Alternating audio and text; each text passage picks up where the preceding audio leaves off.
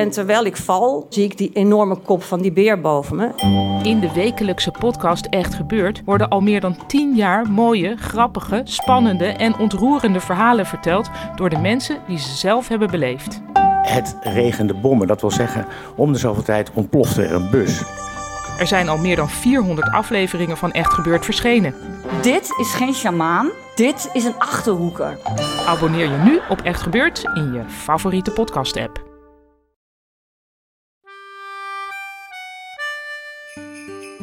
Dit is Man met de microfoon met kerstbelletjes, met echte en bijna echte verhalen. En ik ben Chris Baayema.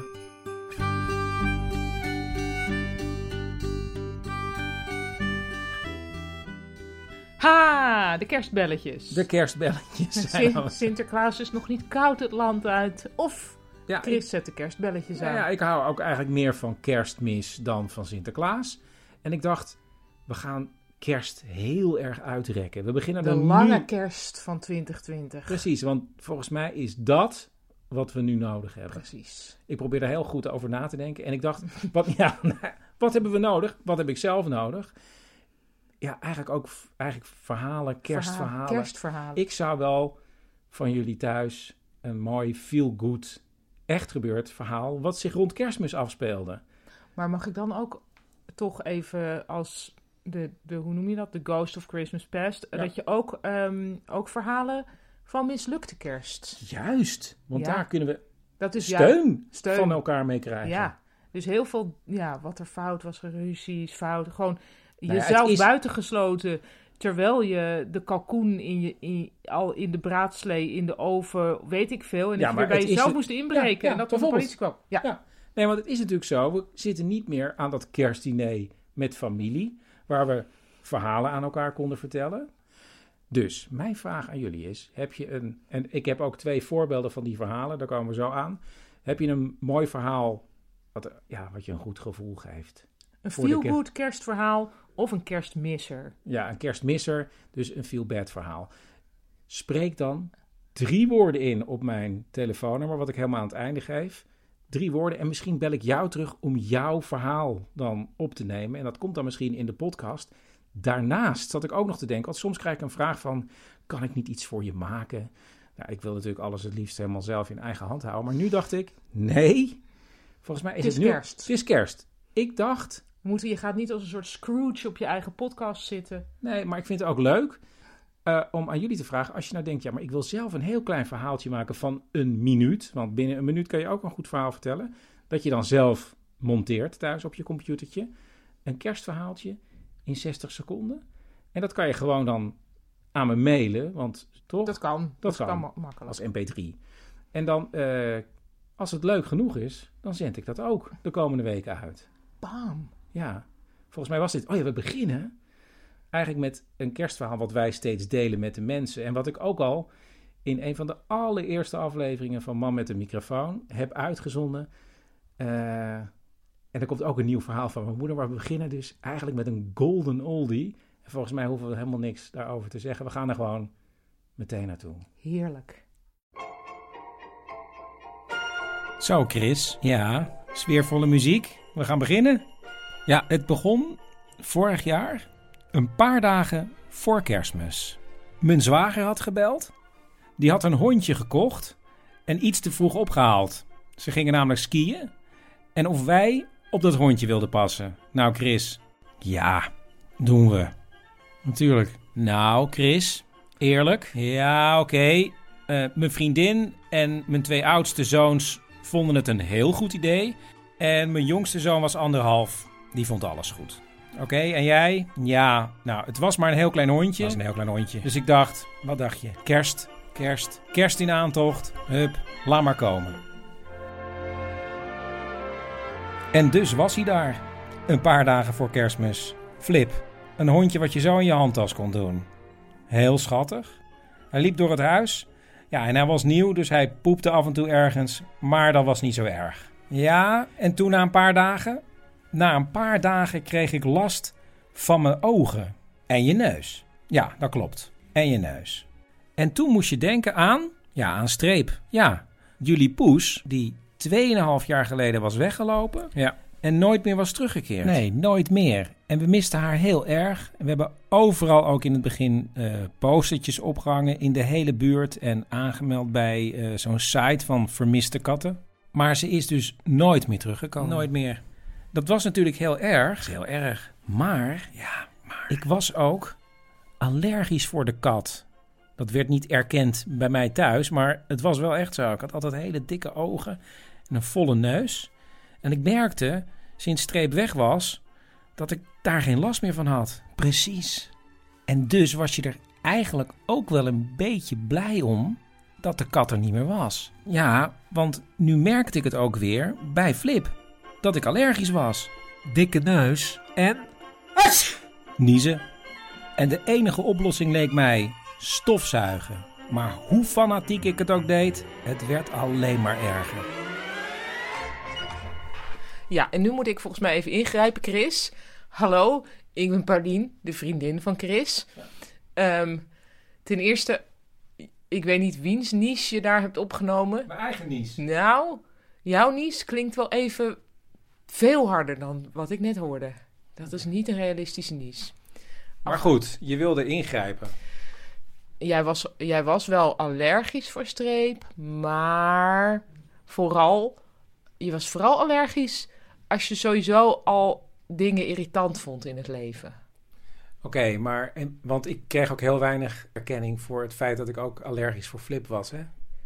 Ja, dat had, ik had niet het gevoel dat dat zo was. En je ging wel, nou ja, dat je altijd gaat niezen van stofzuigen, dat weten we. Dus jij ging stofzuigen en toen ging je heel erg niezen. Dan dacht ik, ja, wat is dan de kip en het ei? Ik kan ook wel zeggen, ik ben allergisch voor, eh, weet ik veel, voor eh, printers. En dan snel iets gaan doen waar, bij die printer. Kortom, op een gegeven moment was voor mij voor de En dan situatie en dan zeggen, het komt niet meer houdbaar.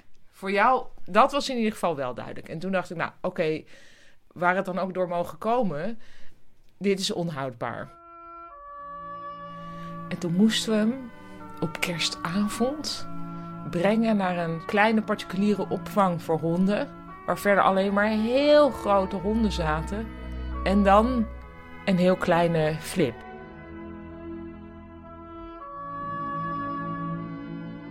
Nou, dat voelde natuurlijk heel erg en verkeerd. Want het was dus ook nog eens kerstavond. Niet dat ik iets met kerst verder heb, maar jij toch. Nou, ik vond het ook heel erg. Ja, jij vond vooral dat kerstavondaspect. Jij had het gevoel dat we het kinderke Jezus de deur wezen. Hè? Dus dat we. Dat er, er was geen plaats in de herberg voor Flip. En wij waren de herberg. Want wij zijn eigenlijk kattenmensen hè, eerder dan hondenmensen. Dus ik vind het ook altijd heel vies als mensen. als hun hond in iemands gezicht likt.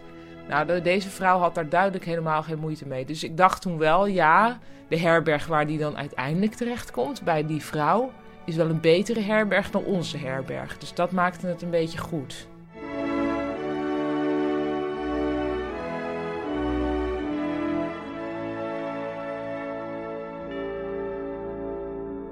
Oké, en dan gebeurde er iets waarvan jij zei dat het eh, Poetic justice. poetic justice. Poetic justice was het. Want jij was dus je allergie kwijt. Dus op 24 december hebben we hem naar de herberg gebracht. Op 31 december, een week later dus, liepen wij door Artis. En toen werd ik gebeld.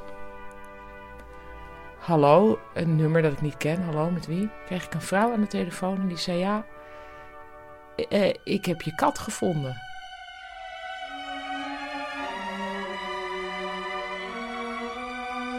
En zo staan we een uur later bij Sonja. Zij had onze kat gevonden, naar de dierenarts gebracht. En daar was haar chip uitgelezen. En toen waren we opgebeld. Hé, hey, dag Streep. Wat ben je groot geworden. Ja, het is en- echt wel de streep nog. Dag lievertje. Hé. Hey. Dag Streepje. Oh, gosse, Kent was echt niet meer. Nee. ja, nee, na 2,5 Nee, eens. We hadden geen idee waar ze 2,5 jaar geweest was. Maar ze zag er super gezond uit.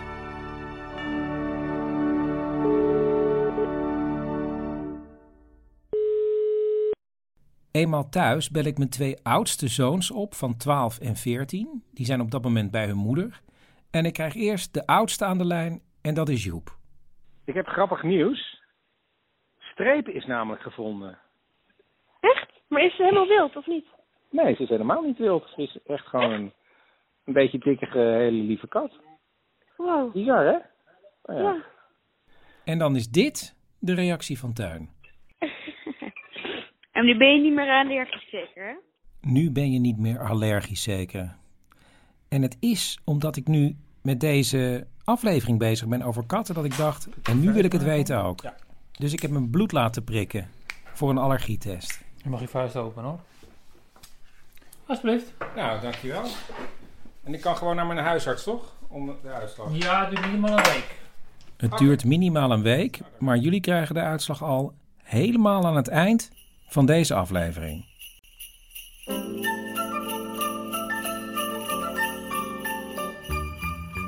Toen ik aan mijn moeder vroeg of zij misschien nog een kerstverhaal had, schoot er meteen iets bij haar binnen. En dus heb ik haar gebeld. Het is wel heel lang geleden hoor. Ik denk dat het wel eh, over de 50 jaar geleden is. Ik was met mijn vriendin op kookles in het Houten Huis op het Begijnhof in Amsterdam. Hè? Nou, het was hartstikke leuk, want we leerden niet alleen koken, maar we leerden ook de tafel dekken en waar de glazen moesten staan en hoe de servetten moesten liggen. En tegen de kersttijd ehm, was het een heel bijzonder diner wat we gingen maken. Iedereen in de groep maakte een gerecht. En mijn moeder en haar vriendin? De chipolata pudding. Nou, ik, ik, vond het, ik vond het een heel werk, maar ik vond het hartstikke leuk dat ik nou net die chipolata pudding mocht maken. En? Die pudding die was geslaagd zeg, en hij was zo lekker. Dus ik kom thuis bij mijn eh, moeder aan de Sloterweg en ik zeg nou weet je, eh, eh, ik ga voor jullie dat ook maken. Ik heb het gemaakt daar, fantastisch. Ja, en als je zo'n pudding kan maken, heeft dat consequenties. Toen durfde ik, ik was verloofd, ik durfde toen ook tegen mijn eh, aanstaande schoonfamilie zeggen van nou, op het kerstdiner durf ik wel het toetje te maken, want dat heb ik geleerd. En dus begonnen vlak voor kerst de voorbereidingen. Mijn moeder had een eh, taartvorm die geëmailleerd was. Maar ze had ook een taartvorm die wat groter was. Kan je het je voorstellen, zo'n ribbeltjes eh, taartvorm met zo'n zo'n gat in het midden. Ik dacht, ik neem die grote, want dan, eh, dan heeft iedereen een lekker stuk. En na een lange tijd in de keuken was hij klaar. Ik had werkelijk een fantastische pudding gemaakt. Als je hem zo zag, de kleine stukjes mandarijn en oh, het, het zag er zo leuk uit. Goed, ik sta trots met die vorm helemaal vol. En daar komt mijn verloofde aan op de scooter. Want eh, ik zou met het ding achter op de scooter naar Alsmeer gaan. En nou goed, hij ziet die vorm en hij zegt... Ja, maar die kan niet mee. De ijskast daar staat ook vol. Weet je wat, we laten hem hier staan. En vlak voordat we denken dat het toetje aan de beurt is...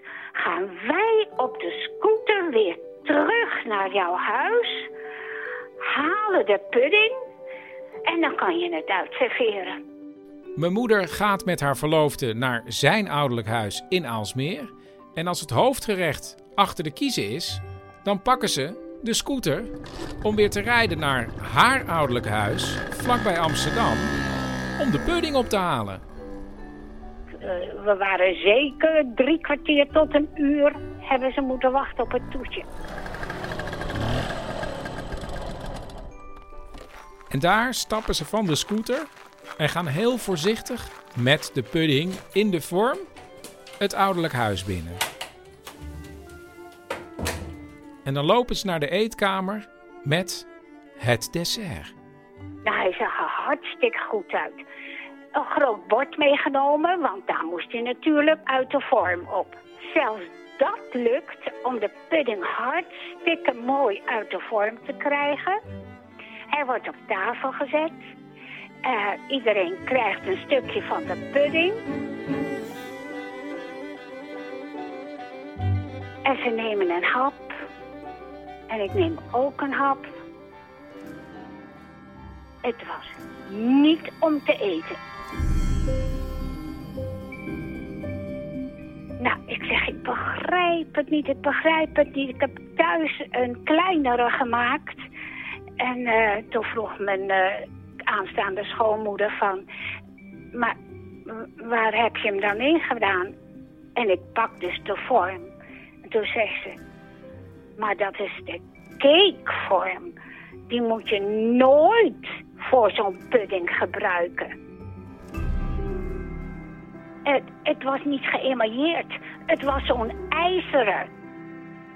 Die smaak gaat in die pudding zitten.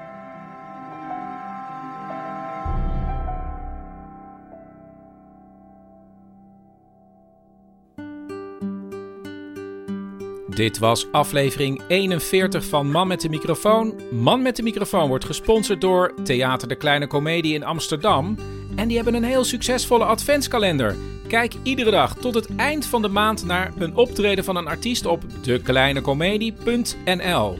En heb je zelf nou voor ons allemaal een mooi kerstverhaal, feel good of non-feel good? Bel dan drie woorden door naar het volgende nummer 084 8371282. En schroom niet hè, want misschien bel ik je terug en komt je verhaal in de podcast. Maar je kan natuurlijk ook een verhaal van een minuut zelf monteren als je dat wil. Dan kan je dat sturen naar manmetdemicrofoon.gmail.com En daar kunnen ook alle reacties naartoe.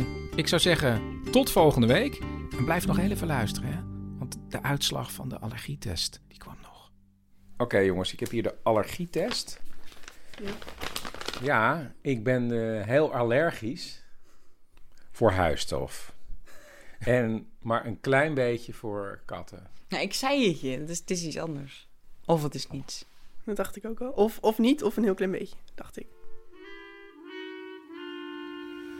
Oh, ja, oké, goed. Eh, ik neem het toch op. Oh, ik, ik heb gewoon last van mijn ogen. Ik denk, ik heb geen poot meer om op te staan. dat is het jammer. We liggen in bed. Ik lig nu in bed. Er zit die poes hier in de, in de kamer. Dus dan denk ik, ja, ik heb er toch last van. Wat ben je nou? Niet allergisch, Laag maar sensitief. laag, hoogsensitief. Nee, laag sensitief. Laag sensitief. Waar slaat dat nou op? Zoiets stond er. Nee. Maar ja. Ik heb gewoon last van... Ik heb gewoon last van mijn ogen. Ja, nou, dan kan je dat gewoon opvoeren. Bovendien heeft jouw vader ook gezegd, toen ik zei van ja, niet. Toen zei hij, ja, die tests kloppen heel vaak niet. Dat zei Dus hij. Kortom, je, jij zit gewoon voor de rest van je leven geramd. Je kan, alles, je kan alsnog gewoon beweren.